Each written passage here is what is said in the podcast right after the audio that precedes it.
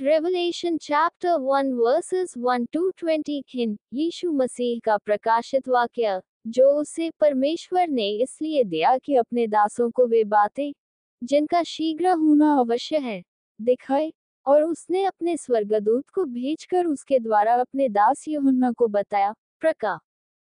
22 ratio 6 जिसने परमेश्वर के वचन और यीशु मसीह की गवाही, अर्थात जो कुछ उसने देखा था उसकी गवाही दी।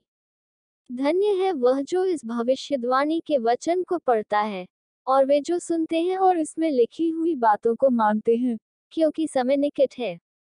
यूहन्ना की ओर से आसिया की सात कलीसियाओं के नाम, उसकी ओर से जो है, और जो था, और जो आने वाला है, और उन सात आत्माओं की ओर से, जो उसके सिंहासन के सामने है। और यीशु मसीह की ओर से जो विश्वास योग्य साक्षी और मरे हुए में से जी उठने वालों में पहलौठा और पृथ्वी के राजाओं का अधिपति है, तुम्हें अनुग्रह और शांति मिलती रहे। जो हमसे प्रेम रखता है और जिसने अपने लहू के द्वारा हमें पापों से छुड़ाया है। कुल्लू, वन रेशियो एट, और हमें एक राज्य और अपने पिता परमेश्वर के लिए याचक भी बना दिया, उसी की महिमा और पराक्रम युगानुयुग रहे। आमीन। निर्ग उन्नीस, छह, यशा, सिक्सटी वन रेशियो सिक्स देखो, वह बादलों के साथ आने वाला है और हर एक आँख उसे देखेगी, वरन जिन्होंने उसे बेधा था, वे भी उसे देखेंगे और पृथ्वी के सारे कुल उसके कारण छाती पीटेंगे। हाँ आमीन। जक बारह बज के दस मिनट। प्रभु परमेश्वर, जो है और जो था और जो आने वाला है, जो सर्वशक्तिमान है, यह कहता है मैं ही अल्फ़ा और ओमेगा हूँ। प्रका, रात के दस बज के तेरह मिनट, यशा। इकतालीस, चार, यशा। Forty four, ratio six. मैं योहन्ना, जो तुम्हारा भाई और यीशु के क्लेश और राज्य और धीरज में तुम्हारा सहभागी हूँ। परमेश्वर के वचन और यीशु की गवाही के कारण पतमुस नामक टापू में था। मैं प्रभु के दिन आत्मा में आ गया। और अपने पीछे तुरही का सा बड़ा शब्द यह कहते सुना, जो कुछ तू देखता है, उसे पुस्तक में लिखकर सातों कलीसियाओं के पास भेज दे, अर्थात Ephesus, Smyrna, Pergamum, Thyatira, Sardis Philadelphia और लौदिकिया को। तब मैंने उसे जो मुझसे बोल रहा था, देखने के लिए अपना मुँह फेरा और पीछे घूमकर मैंने सोने की सात दीवटें देखी। और उन दीवटों के बीच में मनुष्य के पुत्र सरीखा एक पुरुष को देखा, जो पांवों तक का वस्त्र पहने और छाती पर सोने का कमरबंद बांधे हुए था। दानी, सात बज के तेरह मिनट, यह एक बज के छब्बीस मिनट। उसके सिर और बाल श्वेत वरण हिम के समान उज्जवल थे और उसकी आँखें आग की ज्वाला के समान थी। दानी, सात, नौ, दानी, टेन रेशियो सिक्स। उसके पाँव उत्तम पीतल के समान थे जो मानो भट्टी में तपाए गए हों, और उसका शब्द बहुत जल के शब्द के समान था। यह, एक सात यह। फोर्टी थ्री रेशियो टू, वह अपने दाहिने हाथ में सात तारे लिए हुए था, और उसके मुख से तेज रोधारी तलवार निकलती थी, और उसका मुँह ऐसा प्रज्वलित था, जैसा सूर्य कड़ी धूप के समय चमकता है। मत्ती सत्रह, दो प्रका शाम के सवा सात। जब मैंने उसे देखा तो उसके पैरों पर मुर्दा सा गिर पड़ा और उसने मुझ पर अपना दाहिना हाथ रखकर यह कहा, मदर, मैं प्रथम और अंतिम हूँ। यशा। चौवालीस। छह। दानी। आठ बज के सत्रह मिनट। और जीवित भी मैं हूँ। मैं मर गया था। और अब देख मैं युगानुयुग जीविता हूँ। और मृत्यु और अधोलोक की कुंजियाँ मेरे ही पास है। रोम। छह, नौ। रोम। Fourteen ratio nine. इसलिए जो बातें तूने देखी हैं और जो बातें हो रही हैं, और जो इसके बाद होने वाली हैं, उन सबको लिख ले। अर्थात उन सात तारों का भेद जिन्हें तूने मेरे दाहिने हाथ में देखा था, और उन सात सोने की देवटों का भेद, वे सात तारे सातों कलिसियाओं के स्वर्गदूत हैं, और वे सात दीवट सात कलिसियाएँ हैं। Revelation chapter 2 verses 1 to 29 हिन इफिसुस की कलिसिया के स्वर्गदूत को यह लिख, जो सातों तारे अपने दाहिने हाथ में लिए हुए है और सोने की सातों दीवटों के बीच में फिरता है, वही कहता है, मैं तेरे काम और तेरे परिश्रम और तेरे धीरज को जानता हूँ और यह भी कि तू बुरे लोगों को तो देख नहीं सकता और जो अपने आप को प्रेरित कहते हैं और है नहीं उन्हें तूने परख कर झूठा पाया। और तू धीरज धरता है, और मेरे नाम के लिए डेक उठाते उठाते थका नहीं। पर मुझे तेरे विरुद्ध यह कहना है कि तूने अपना पहला सा प्रेम छोड़ दिया है। इसलिए स्मरण कर कि तू कहाँ से गिरा है, और मन फिरा और पहले के समान काम कर, और यदि तू मन न फिराएगा तो मैं तेरे पास आकर तेरी दीवट को उसके स्थान से हटा दूँगा। पर हाँ तुझ में यह बात तो है कि तू निकुलयों के कामों से घृणा करता है, जिनसे मैं भी घृणा करता हूँ। भज 139 रेशियो 21 जिसके कान हो, वह सुन ले कि आत्मा कलीसियाओं से क्या कहता है। जो जय पाए, मैं उसे उस जीवन के पेड़ में से जो परमेश्वर के स्वर्गलोक में है, फल खाने को दूँगा। प्रका, दो बज के ग्यारह मिनट। स्मुरना की कलेसिया के स्वर्गदूत को यह लेख जो प्रथम और अंतिम है, जो मर गया था और अब जीवित हो गया है, वह यह कहता है, प्रका, एक बज के सत्रह मिनट माइनस अठारह। मैं तेरे क्लेश और दरिद्रता को जानता हूँ, परंतु तू धनी है, और जो लोग अपने आप को यहूदी कहते हैं, और है नहीं, पर शैतान का आराधनालय है, उनकी निंदा को भी जानता हूँ। जो डैक तुझको झेलने होंगे उनसे मत डर, क्योंकि शैतान तुम में से कुछ को जेल खाने में डालने पर है, ताकि तुम परखे जाओ और तुम्हें दस दिन तक क्लेश उठाना होगा। प्राण देने तक विश्वास योग्य रह तो मैं तुझे जीवन का मुकुट दूँगा। याकूब, एक बज के बारह मिनट, जिसके कान हो, वह सुन ले कि आत्मा कलीसियाओं से क्या कहता है। जो जय पाए, उसको दूसरी मृत्यु से हानि न पहुंचेगी। पिरगमुन की कलीसिया के स्वर्गदूत को यह लेख, जिसके पास तेज डोधारी तलवार है, वह यह कहता है, मैं यह तो जानता हूँ कि तू वहाँ रहता है जहाँ शैतान का सिंहासन है, और मेरे नाम पर स्थिर रहता है, और मुझ पर विश्वास करने से उन दिनों में भी पीछे नहीं हटा जिनमें मेरा विश्वास योग्य साक्षी इंतपास तुम्हारे बीच उस स्थान पर मारा गया जहाँ शैतान रहता है। पर मुझे तेरे विरुद्ध कुछ बातें कहनी है, क्योंकि तेरे यहाँ कुछ तो ऐसे हैं, जो बिलाम की शिक्षा को मानते हैं, जिसने बालाक को इसराइलियों के आगे ठोकर का कारण रखना सिखाया कि वे मूर्तियों पर चढ़ाई गई वस्तुएँ खाएँ और व्यभिचार करें। दो पथ सवा दो, गिन थर्टी वन रेशियो सिक्सटीन वैसे ही तेरे यहाँ कुछ तो ऐसे हैं, जो निकुलयों की शिक्षा को मानते हैं। अतः मन फिरा नहीं तो मैं तेरे पास शीघ्र ही आकर अपने मुख की तलवार से उनके साथ लड़ूँगा। प्रका टू रेशियो फाइव जिसके कान हो, वह सुन ले कि आत्मा कलीसियाओं से क्या कहता है। जो जय पाए, उसको मैं गुप्त मन्ना में से दूँगा, और उसे एक श्वेत पत्थर भी दूँगा, और उस पत्थर पर एक नाम लिखा हुआ होगा, जिसे उसके पाने वाले के सिवाय और कोई न जानेगा। प्रका टू रेशियो सेवन थुआतीरा की कलेसिया के स्वर्गदूत को यह लेख, परमेश्वर का पुत्र जिसकी आँखें आग की ज्वाला के समान और जिसके पाँव उत्तम पीतल के समान है, वह यह कहता है, दानी। टेन रेशियो सिक्स, मैं तेरे कामों और प्रेम और विश्वास और सेवा और धीरज को जानता हूँ और यह भी कि तेरे पिछले काम पहलों से बढ़कर है। पर मुझे तेरे विरुद्ध यह कहना है कि तू स्त्री इजेबेल को रहने देता है जो अपने आप को भविष्य कहती है। और मेरे दासों को व्यभिचार करने और मूर्तियों के आगे चढ़ाई गई वस्तुएँ खाना सिखाकर भरमाती है। प्रका, दो बज के चौदह मिनट। मैंने उसको मन फिराने के लिए अवसर दिया, पर वह अपने व्यभिचार से मन फिराना नहीं चाहती। देख, मैं उसे रोगशया पर डालता हूँ और जो उसके साथ व्यभिचार करते हैं, यदि वे भी उसके से कामों से मन न फिराएँगे तो उन्हें बड़े क्लेश में डालूँगा।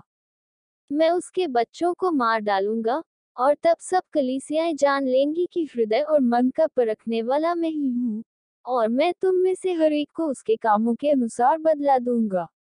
भज। Seven ratio nine. पर तुम थुआतीरा के बाकी लोगों से, जितने इस शिक्षा को नहीं मानते और उन बातों को जिन्हें शैतान की गहरी बातें कहते हैं नहीं जानते, यह कहता हूँ कि मैं तुम पर और बोझ न डालूँगा। पर हाँ जो तुम्हारे पास है उसको मेरे आने तक थामे रहो।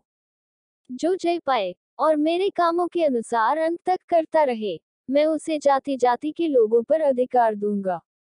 और वह लोहे का राजदन लिए हुए उन पर राज्य करेगा, जिस प्रकार कुम्हार के मिट्टी के बर्तन चकनाचूर हो जाते हैं। मैंने भी ऐसा ही अधिकार अपने पिता से पाया है। और मैं उसे भोर का तारा दूँगा, जिसके कान हो, वह सुन ले कि आत्मा कलीसियाओं से क्या कहता है। Revelation chapter 3 verses 1 to 22 हिन सरदीस की कलिसिया के स्वर्गदूत को लिख, जिसके पास परमेश्वर की सात आत्माएँ और सात तारे हैं, यह कहता है कि मैं तेरे कामों को जानता हूँ, कि तू जीवित तो कहलाता है, पर है मरा हुआ। जागृत हो और उन वस्तुओं को जो बाकी रह गई है और जो मिटने को है, उन्हें दृढ़ कर, क्योंकि मैंने तेरे किसी काम को अपने परमेश्वर के निकट पूरा नहीं पाया। इसलिए स्मरण कर कि तूने किस रीति से शिक्षा प्राप्त की और सुनी थी, और उसमें बना रह और मन फिरा, और यदि तू जागृत न रहेगा तो मैं चोर के समान आ जाऊँगा और तू कदापि न जान सकेगा कि मैं किस घड़ी तुझ पर आ पड़ूँगा। पर हाँ सर्दीस में तेरे यहाँ कुछ ऐसे लोग हैं, जिन्होंने अपने अपने वस्त्र अशुद्ध नहीं किए। वे श्वेत वस्त्र पहने हुए मेरे साथ घूमेंगे, क्योंकि वे इस योग्य हैं। जो जय पाए, उसे इसी प्रकार श्वेत वस्त्र पहनाया जाएगा, और मैं उसका नाम जीवन की पुस्तक में से किसी रीति से न काटूँगा, पर उसका नाम अपने पिता और उसके स्वर्गदूतों के सामने मान लूँगा। प्रका, रात के नौ बज के सत्ताईस मिनट। जिसके कान हो, वह सुन ले कि आत्मा कलीसियाओं से क्या कहता है। फिलदिल्फिया की कलीसिया के स्वर्गदूत को यह लेख, जो पवित्र और सत्य है, और जो दाऊद की कुंजी रखता है, जिसके खुले हुए को कोई बंद नहीं कर सकता और बंद किए हुए को कोई खोल नहीं सकता, वह यह कहता है अयु बारह बज के चौदह मिनट, यशा, रात के दस बज के बाईस मिनट, मैं तेरे कामों को जानता हूँ देख, मैंने तेरे सामने एक द्वार खोल रखा है, जिसे कोई बंद नहीं कर सकता। तेरी सामर्थ्य थोड़ी सी तो है, फिर भी तूने मेरे वचन का पालन किया है और मेरे नाम का इनकार नहीं किया। देख, मैं शैतान के उन आराधनालय वालों को तेरे वश में कर दूँगा जो यहूदी बन बैठे हैं। पर है नहीं, वरन झूठ बोलते हैं, मैं ऐसा करूँगा कि वे आकर तेरे चरणों में दंडवत करेंगे। और यह जान लेंगे कि मैंने तुझसे प्रेम रखा है। तूने मेरे धीरज के वचन को थामा है, इसलिए मैं भी तुझे परीक्षा के उस समय बचा रखूँगा, जो पृथ्वी पर रहने वालों के परखने के लिए सारे संसार पर आने वाला है।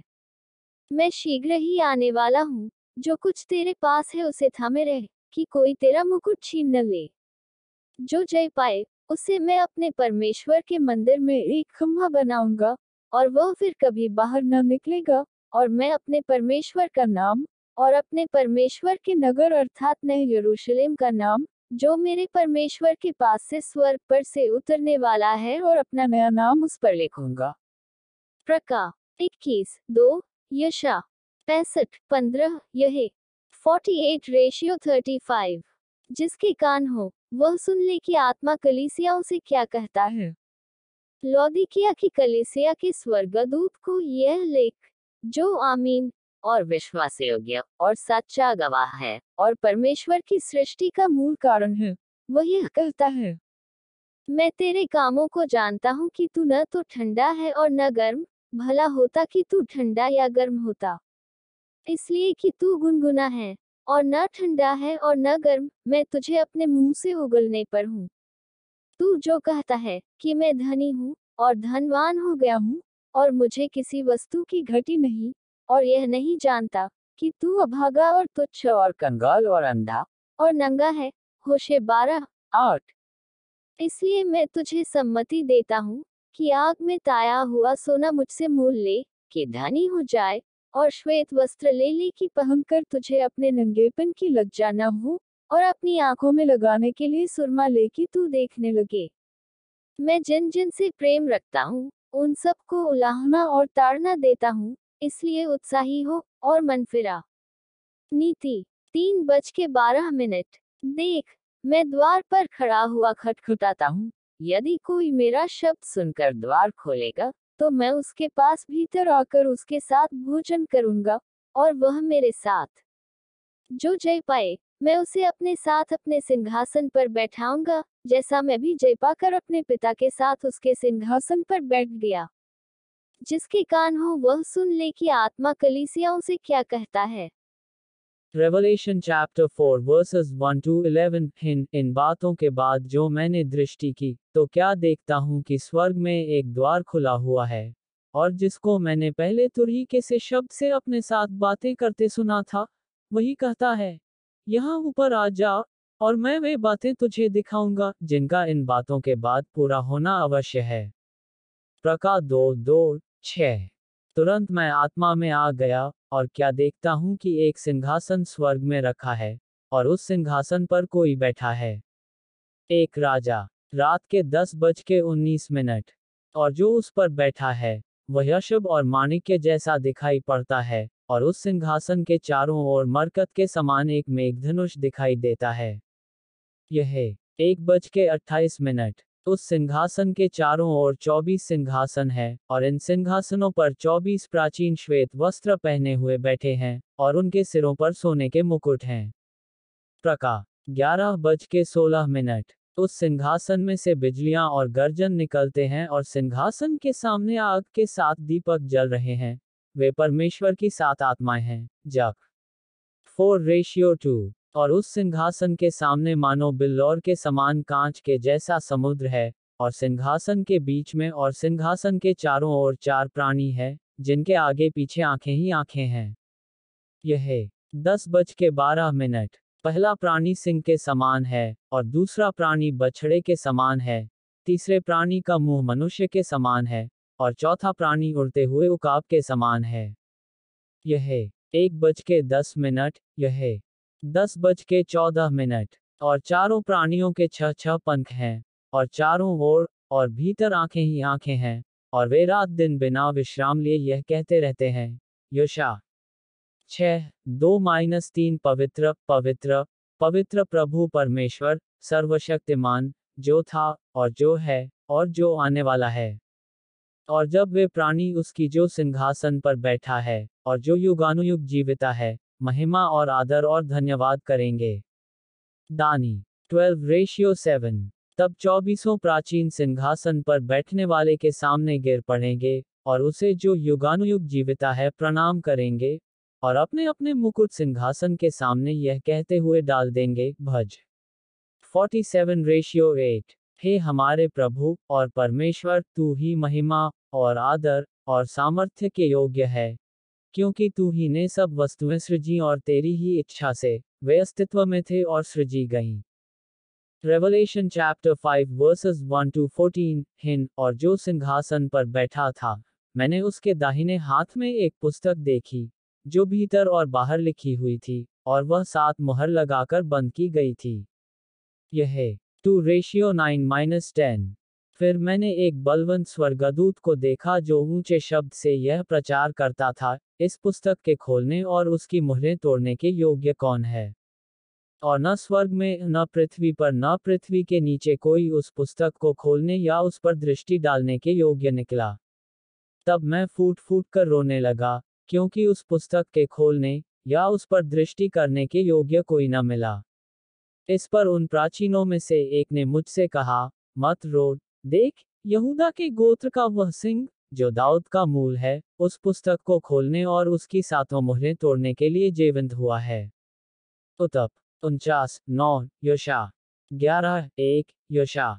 Eleven, ten, तारांकन। तब मैंने उस सिंहासन और चारों प्राणियों और उन प्राचीनों के बीच में, मानो एक वध किया हुआ मेमना खड़ा देखा उसके सात सींग और सात आँखें थी। ये परमेश्वर की सातों आत्माएँ हैं, जो सारी पृथ्वी पर भेजी गई हैं। जब चार बज के दस मिनट, उसने आकर उसके दाहिने हाथ से जो सिंहासन पर बैठा था, वह पुस्तक ले ली, प्रका। Five ratio one. जब उसने पुस्तक ले ली तो वे चारों प्राणी और चौबीसों प्राचीन उस मेमने के सामने गिर पड़े, और हर एक के हाथ में वीणा और धूप से भरे हुए सोने के कटोरे थे। ये तो पवित्र लोगों की प्रार्थनाएँ हैं। प्रका, पाँच बज के चौदह मिनट, प्रका। 19 रेशियो फोर, और वे यह नया गीत गाने लगे, तू इस पुस्तक के लेने और उसकी मुहरें खोलने के योग्य है, क्योंकि तूने वध होकर अपने लहू से हर एक कुल और भाषा और लोग और जाति में से परमेश्वर के लिए लोगों को मोल लिया है।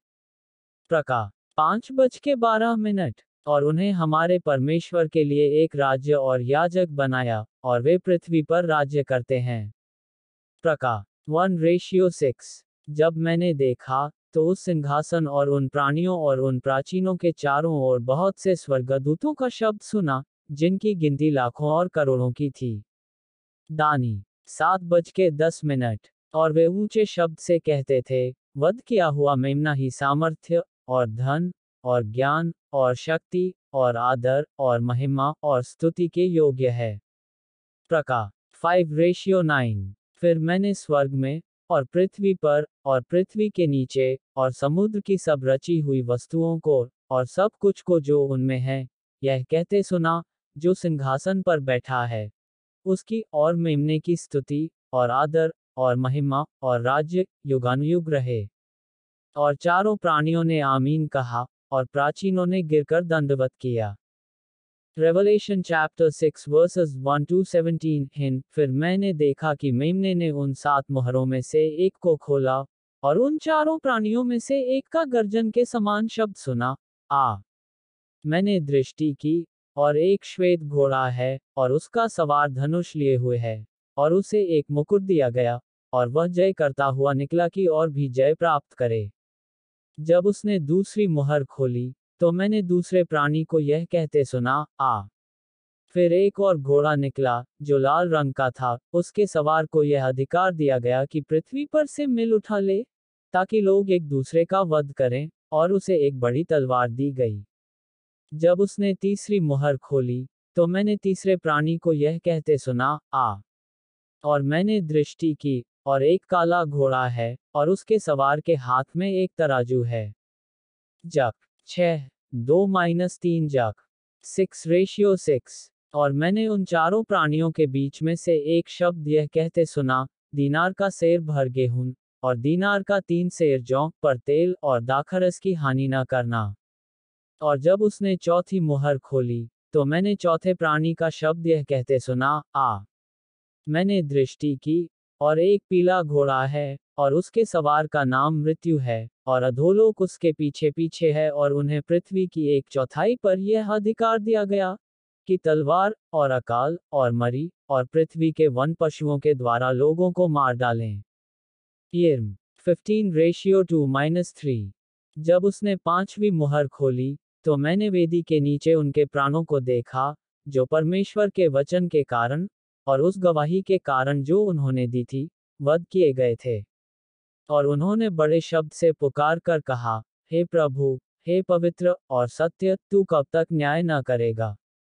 और पृथ्वी के रहने वालों से हमारे लहू का पलटा कब तक न लेगा? प्रका 16 रेशियो 5 माइनस सिक्स और उनमें से हर एक को श्वेत वस्त्र दिया गया, और उनसे कहा गया, कि और थोड़ी देर तक विश्राम करो जब तक कि तुम्हारे संगी दास और भाई जो तुम्हारे समान वध होने वाले हैं, उनकी भी गिनती पूरी ना हो ले।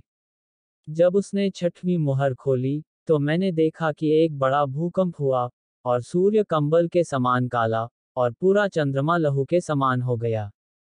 योए, दो बज के दस मिनट, और आकाश के तारे पृथ्वी पर ऐसे गिर पड़े जैसे बड़ी आंधी से हिलकर अंजीर के पेड़ में से कच्चे फल झड़ते हैं। प्रका आठ बज के दस मिनट, मत्ती रात के बारह बज के उनतीस मिनट। आकाश ऐसा सरक गया, जैसा पत्र लपेटने से सरक जाता है, और हर एक पहाड़ और टापू अपने अपने स्थान से टल गया। प्रका, शाम के चार बज के बीस मिनट, योशा थर्टी फोर रेशियो फोर पृथ्वी के राजा और प्रधान, और सरदार, और धनवान, और सामर्थी लोग, और हर एक दास, और हर एक स्वतंत्र, पहाड़ों की गुफाओं और चट्टानों में जा छिपे, यशा। दो बज के दस मिनट, यशा। दो बज के उन्नीस मिनट। और पहाड़ों, और चट्टानों से कहने लगे, हम पर गिर पड़ो, और हमें उसके मुँह से जो सिंहासन पर बैठा है और मेमने के प्रकोप से छिपा लो, लूका रात के से ग्यारह। क्योंकि उनके प्रकोप का भयानक दिन आ पहुँचा है, अब कौन ठहर सकता है?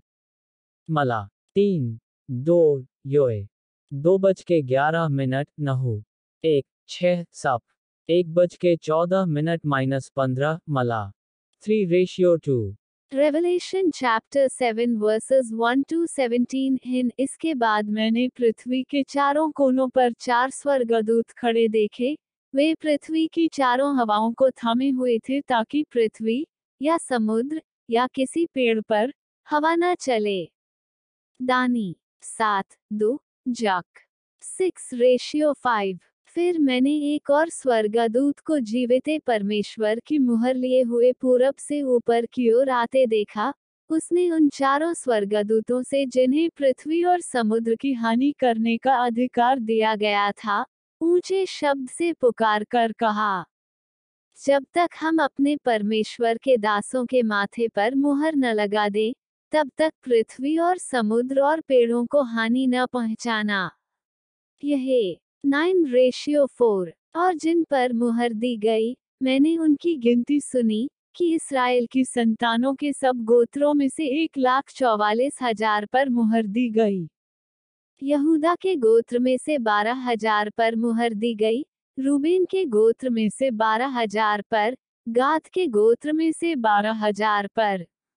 अशेर के गोत्र में से बारह हज़ार पर, नप्ताली के गोत्र में से बारह हज़ार पर मंशे के गोत्र में से बारह हज़ार पर।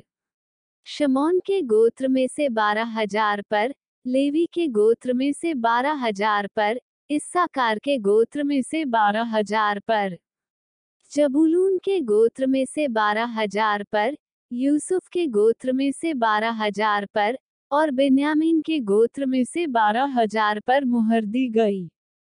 इसके बाद मैंने दृष्टि की और हर एक जाति और कुल और लोग और भाषा में से एक ऐसी बड़ी भीड़ जिसे कोई गिन नहीं सकता था, श्वेत वस्त्र पहने और अपने हाथों में खजूर की डालियाँ लिए हुए सिंहासन के सामने और मेमने के सामने खड़ी है। और बड़े शब्द से पुकार कर कहती है, उद्धार के लिए हमारे परमेश्वर का, जो सिंहासन पर बैठा है, और मेमने का जय जयकार हो। प्रका, उन्नीस, एक, भज। थ्री रेशियो एट, और सारे स्वर्गदूत उस सिंहासन और प्राचीनों और चारों प्राणियों के चारों ओर खड़े हैं। फिर वे सिंहासन के सामने मुँह के बल गिर पड़े और परमेश्वर को दंडवत करके कहा, आमीन। हमारे परमेश्वर की स्तुति, महिमा, ज्ञान, धन्यवाद, आदर, सामर्थ्य और शक्ति युगानुयुग बनी रहें। आमीन। इस पर प्राचीनों में से एक ने मुझसे कहा, ये श्वेत वस्त्र पहने हुए कौन है? और कहाँ से आए हैं? मैंने उससे कहा, हे स्वामी, तू ही जानता है। उसने मुझसे कहा, ये वे हैं, जो उस महाक्लेश में से निकल कर आए हैं। इन्होंने अपने अपने वस्त्र मेमने के लहू में धोकर श्वेत किए हैं। प्रका, रात के दस बज के चौदह मिनट। इसी कारण वे परमेश्वर के सिंहासन के सामने हैं और उसके मंदिर में दिन रात उसकी सेवा करते हैं और जो सिंहासन पर बैठा है, वो उनके ऊपर अपना तंबू तानेगा। प्रका, बाईस, तीन, भज। 134 रेशियो वन माइनस टू वे फिर भूखे और प्यासे न होंगे और न उन पर धूप, न कोई तपन पड़ेगी। क्योंकि मेमना जो सिंहासन के बीच में है, उनकी रखवाली करेगा और उन्हें जीवनरूपी जल के सोतों के पास ले जाया करेगा और परमेश्वर उनकी आँखों से सब आँसू पोंछ डालेगा। भज। तेईस। एक। भज। तेईस। दो। यशा। Twenty five. Ratio eight. Revelation chapter eight verses one to thirteen. Hind जब उसने सातवीं मुहर खोली तो स्वर्ग में आधे घंटे तक सन्नाटा छा गया और मैंने उन सातों स्वर्गदूतों को जो परमेश्वर के सामने खड़े रहते हैं, देखा और उन्हें सात तुरहियाँ दी गईं।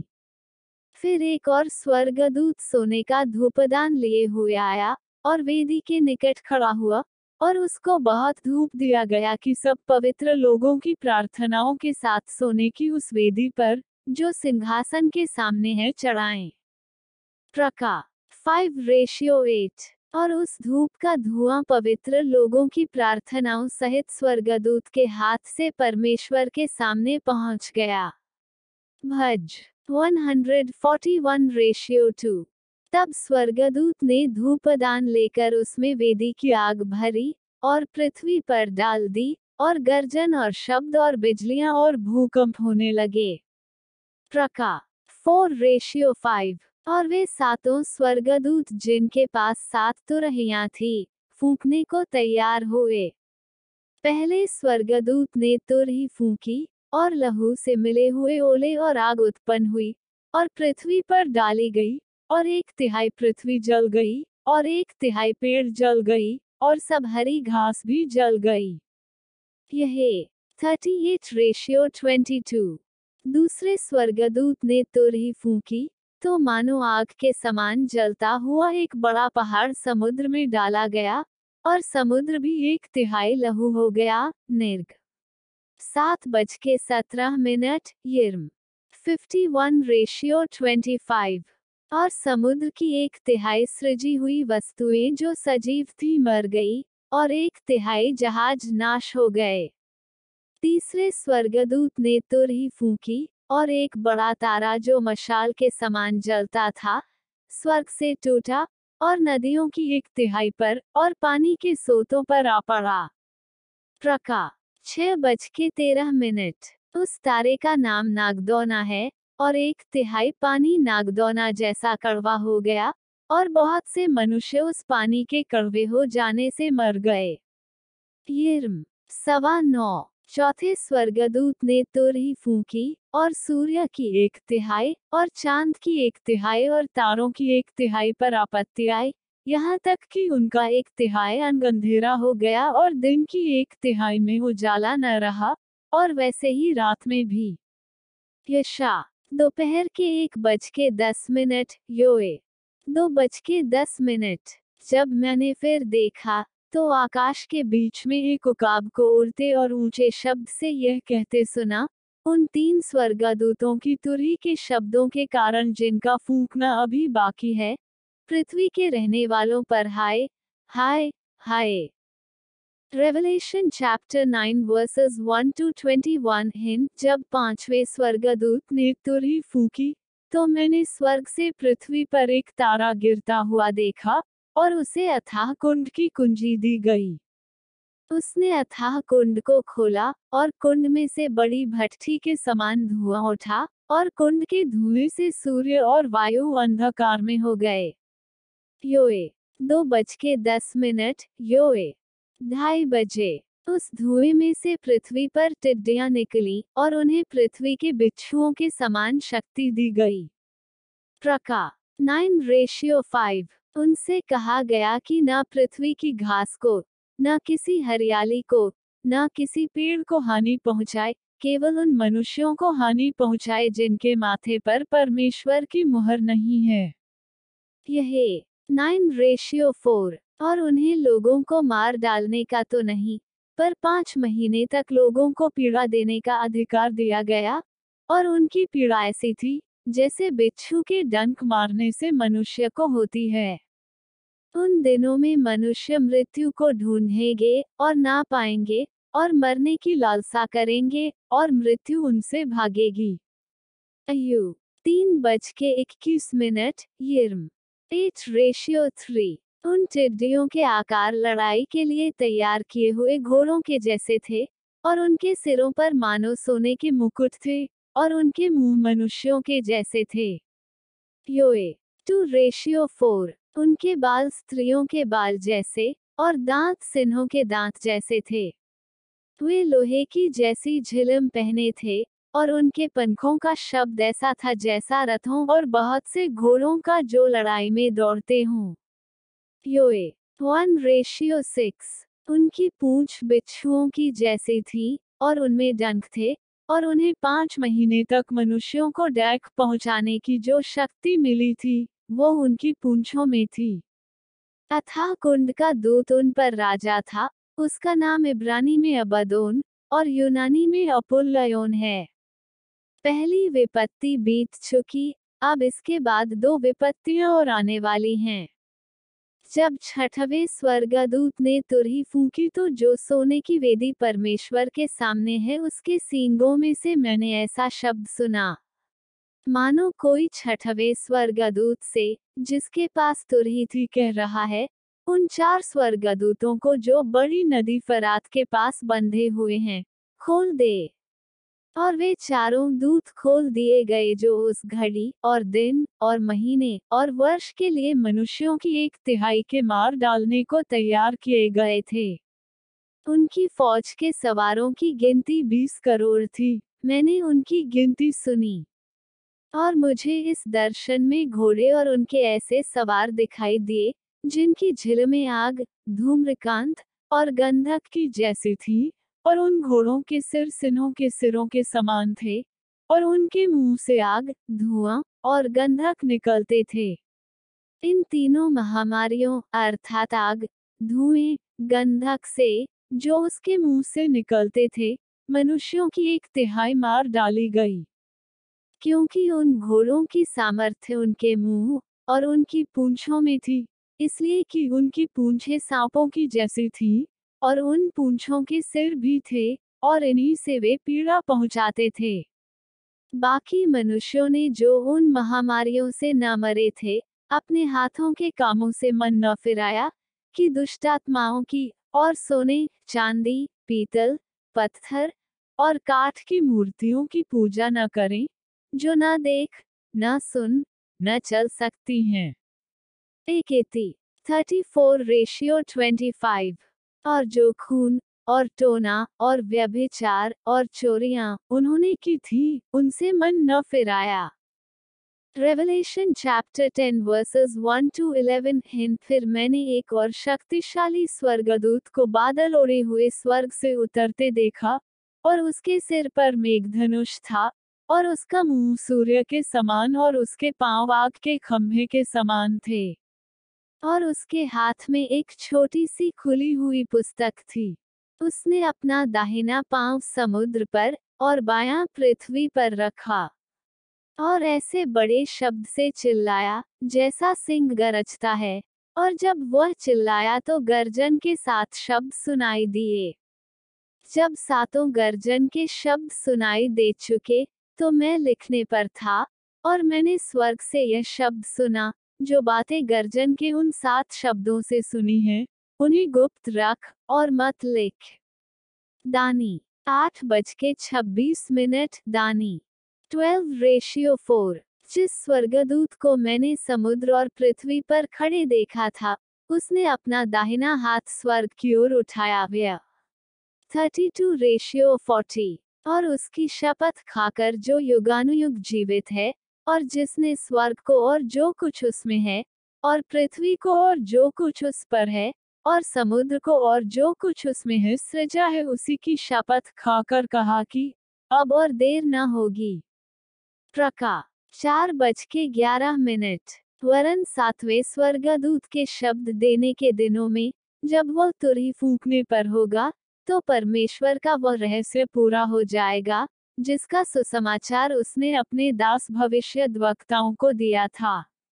आमो, तीन, सात इफी थ्री, रेशियो थ्री, जिस शब्द करने वाले को मैंने स्वर्ग से बोलते सुना था, वह फिर मेरे साथ बातें करने लगा, जा, जो स्वर्गदूत समुद्र और पृथ्वी पर खड़ा है, उसके हाथ में की खुली हुई पुस्तक ले ले। और मैंने स्वर्गदूत के पास जाकर कहा, यह छोटी पुस्तक मुझे दे। और उसने मुझसे कहा, ले, इसे खा ले, यह तेरा पेट कड़वा तो करेगी, पर तेरे मुँह में मधु जैसी मीठी लगेगी। यह three ratio one minus three अतः मैं वह छोटी पुस्तक उस स्वर्गदूत के हाथ से लेकर खा गया। वह मेरे मुँह में मधु जैसी मीठी तो लगी पर जब मैं उसे खा गया तो मेरा पेट कड़वा हो गया। तब मुझसे यह कहा गया, तुझे बहुत से लोगों, जातियों, भाषाओं और राजाओं के विषय में फिर भविष्यवाणी करनी होगी।